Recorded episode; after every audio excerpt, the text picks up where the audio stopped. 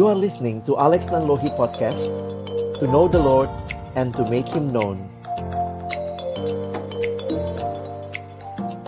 Halo teman-teman, ya kita akan bahas lagi. Tapi love relationship itu kan bukan cuma kaitan sama pasangan, pacaran, suami istri, tetapi kita akan coba lihat juga relasi yang di dalamnya juga soal persahabatan, Iya. ya. Dan beberapa pertanyaan yang masuk memang pas juga ini tentang Iya. persahabatan. Bisa di Ya, dalam eh, video ini yang, ya. yang yang Yang satunya kemarin. juga ada ya. Iya, kita tentang eh, persahabatan. namanya persahabatan, bagaimana cinta persahabatan Hmm. itu. Ya. Jadi ini buat teman-teman yang belum punya pasangan tapi juga mau jadi sahabat bagi temannya, yuk kita coba sama-sama eh, menggali beberapa hal. Ada pertanyaan apa nih, Dek? Ini ada Hmm. satu orang yang nanya dia eh, sebagai sahabat dia pengen jadi Mm-mm. sahabat yang baik nih. Mm-mm. Ternyata dia eh, punya teman yang eh, pernah disakitin dulunya Mhm. sama eh, sama pasangannya lah. Oke. Ya. Lalu kemudian eh, karena disakiti begitu rupa sama pasangannya, nah sekarang sekarang ini nih dia dalam Mhm. dalam berelasi tuh jadinya nggak setia gitu, dan bukan hanya nggak setia, sepertinya juga masuk dalam eh, relasi yang kurang sehat, Nggak gitu sehat ya. Hmm. sehat. Nah dia bertanya, saya ini Teman ini jadi- teman ini sahabatnya. Iya, saya pengen jadi sahabat Hmm. yang baik nih. Gimana sih caranya? Saya tuh harus gimana gitu loh. Kalau ngelihat Hmm. ada teman saya yang kayak begini gitu, itu gimana? Nah, mungkin juga gitu ya. Ada teman-teman yang lihat temennya gonta-ganti pacar lah, Mm-mm. gitu ya. Kita sebagai teman eh, gimana tuh yang menyikapinya? Saya pikir sih satu ayat Alkitab yang bisa menolong kita, memberikan kepada kita pemahaman adalah eh, di dalam Injil Matius yang sangat menarik dikatakan bahwa eh, mungkin kalau kita gali perbedaan antara apa itu menghakimi dan apa itu menasehati. Jadi sering kali orang pakai ayat itu tuh jangan menghakimi. Gara-gara pakai ayat itu seolah-olah jadi nggak boleh menasehati. Padahal sebenarnya di dalam Alkitab eh, Injil Matius sendiri juga di pasal yang ke-18 eh, nih saya bacain ya. Matius 18 ayat 15. Apabila saudaramu berbuat dosa, tegurlah dia di bawah empat mata. Jika ia mendengarkan nasihatmu, engkau telah mendapatnya kembali. Jadi tujuannya jelas kerinduan kita supaya waktu teman kita yang bersalah itu kita tegur, kita tegur untuk bukan ngejelek-jelekin dia, bukan untuk nyala-nyalahin dia atau bikin dia makin down, tetapi sebenarnya untuk kita menegur supaya akhirnya dia meninggalkan dosanya dan kita mendapatkannya kembali. Iya, jadi karena kan kadang-kadang Hmm. kita jadi sahabat agak serba salah ya, pengen Iya. tegur tapi nanti disangkanya menghakimi. Menghakimi. Emang lu hidup lu lebih baik Ah, gitu. seperti Iya. itu. Jadi mungkin poinnya adalah ya Hmm. menasehati motivasinya ya agar dia mungkin Mendapatkan berbalik ya, kembali, jadi ya. mendapatkannya kembali.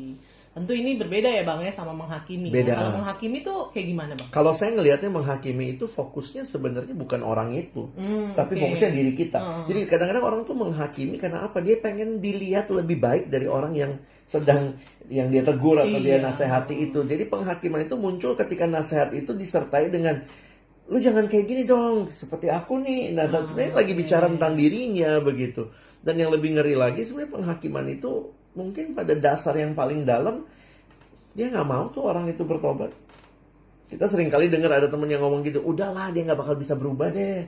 Dia pasti udah deh. Jadi kayaknya kita menutup pintu anugerah Tuhan tuh. Iya, iya. Jadi kadang-kadang cara-cara kita mengatakan kalimat-kalimat seperti itu sebenarnya di dalam hati yang terdalam sudah terjadi penghakiman. Iya, jadi kalau Hmm. misalnya ada temen yang mungkin kita lihat kok kayaknya dia eh, apa namanya tidak sesuai nih dengan apa yang Tuhan Iya. mau misalnya, Hmm. berarti kita harus belajar untuk menasehati ya, bukan Betul. berarti akhirnya nggak boleh gitu menegur atau menasehati. Atau gara-gara itu ya banyak yang bilang kan ada ayatnya nggak boleh menghakimi. Jadi Hmm, nasihat pun hmm. nggak dika- nggak Iya, disampaikan itu salah gitu ya. juga gitu ya. Kalau emang kita Hmm. mau jadi sahabat yang baik, Hmm. kita harus berani untuk menyatakan kebenaran. Tapi kebenaran itu bukan untuk nyakitin si teman, Iya. tapi kebenaran itu adalah untuk mendapatkan dia kembali gitu ya. Nah mungkin itu eh, masalah ini juga ya. Kapan menyampaikannya Iya. Dan waktu yang cara- cara yang tepat. cara yang tepat. Dan ini itu. yang saya pikir sih mari kita doakan sungguh-sungguh supaya Tuhan kasih tuh iya. waktu yang tepat untuk ngomong dan caranya juga tepat. Iya.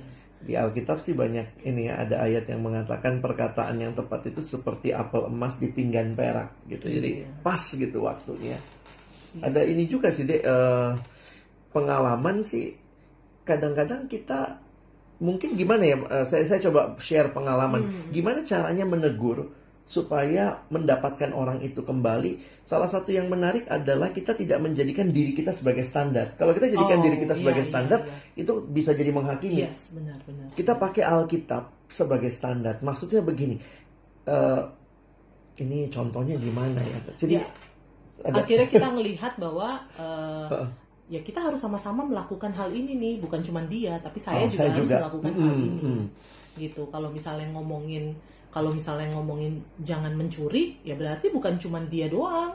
Tapi Iya, saya itu juga, mesti kena karena ini firman Tuhan yang Yes. juga berotoritas Iya, untuk atas diri saya. hidup saya. Jadi kalau misalnya Hmm. baca firman mungkin jangan cuman wah ini bagus nih buat dia nih. Padahal Iya. itu sebenarnya juga Buat harusnya kita. buat kita bagus Iya. gitu. Gitu kan Eh, ya. jadi belajar juga, nah ada salah satu metode penginjilan yang pernah saya pelajari dan di bagian awal tuh di- diminta kita menuliskan kesaksian. Mm-mm. Waktu disuruh minta tuliskan kesaksian, sebenarnya pertanyaannya sederhana. Eh, siapa atau bagaimana kamu hidupmu sebelum kenal Yesus dan sesudah kenal Yesus? Dan apa tujuan kita menceritakan itu? Ternyata setelah kita lewatin trainingnya, itu menjadi jalan masuk bahwa sebenarnya kita nggak lebih baik dari dia. Yes. Dulu pun kalau kita nggak kenal Tuhan, kita mungkin lebih rusak juga dari dia daripada hidup teman Hmm. kita. Dan ketika kita bisa melihat pembaharuan yang Tuhan kerjakan, misalnya kalau dia ngomong, waduh, aku tuh nyontek nih, atau aku nyolong nih dulu. Lah, mungkin kita juga punya pengalaman itu. Aku juga dulu seperti itu. Tapi Pernah seperti aku itu, pernah ya. seperti itu. Tapi Tuhan membawa Membawa. perubahan bagi Iya, hidupku. seperti Jadi akhirnya kita tidak menempatkan diri di atas orang lain, tapi kita jadi sejajar dan yang kita bagikan bukan masa lalunya, tetapi Hmm. bagaimana pengalaman Bersama. dengan Yesus yang mengubah hidup kita. Iya. Terus aku juga jadi keinget Hmm. bang, kalau jadi sahabat yang baik tuh ya kita harusnya nggak meninggalkan gitu. Meskipun Oh. mungkin kadang-kadang kita capek kan ya, udah Iya, dinasehatin, dinasehatin, udah ya. dibilangin, tapi kok kayaknya tetap aja nggak berubah-berubah. Hmm. Ya mungkin sebagai sahabat yang baik kita nggak henti-hentinya ya, bukan hanya mendoakan, tapi juga mungkin ya Hmm. ada di di sampingnya gitu. Sehingga kalau misalnya suatu saat dia pengen balik, ada Butuh- orang butuh kita, gitu. ada Iya, orang ada yang orang yang ya. mau terima dia kembali gitu karena kadang-kadang mungkin mau balik tapi bingung gitu karena ternyata Hmm. udah nggak ada lagi orang-orang di sekitarnya yang bisa nerima dia misalnya kayak gitu. Jadi ada ada kemungkinan dong waktu kita negur dia ninggalin kita ada ya. oh bisa jadi Karena bisa mungkin dia jadi. nggak terima, tapi Iya. kita mem- memberikan membuktikan lah atau memberikan keyakinan kepada dia kapan aja lu butuh, gua ada ada gitu ya, gua bisa nolong.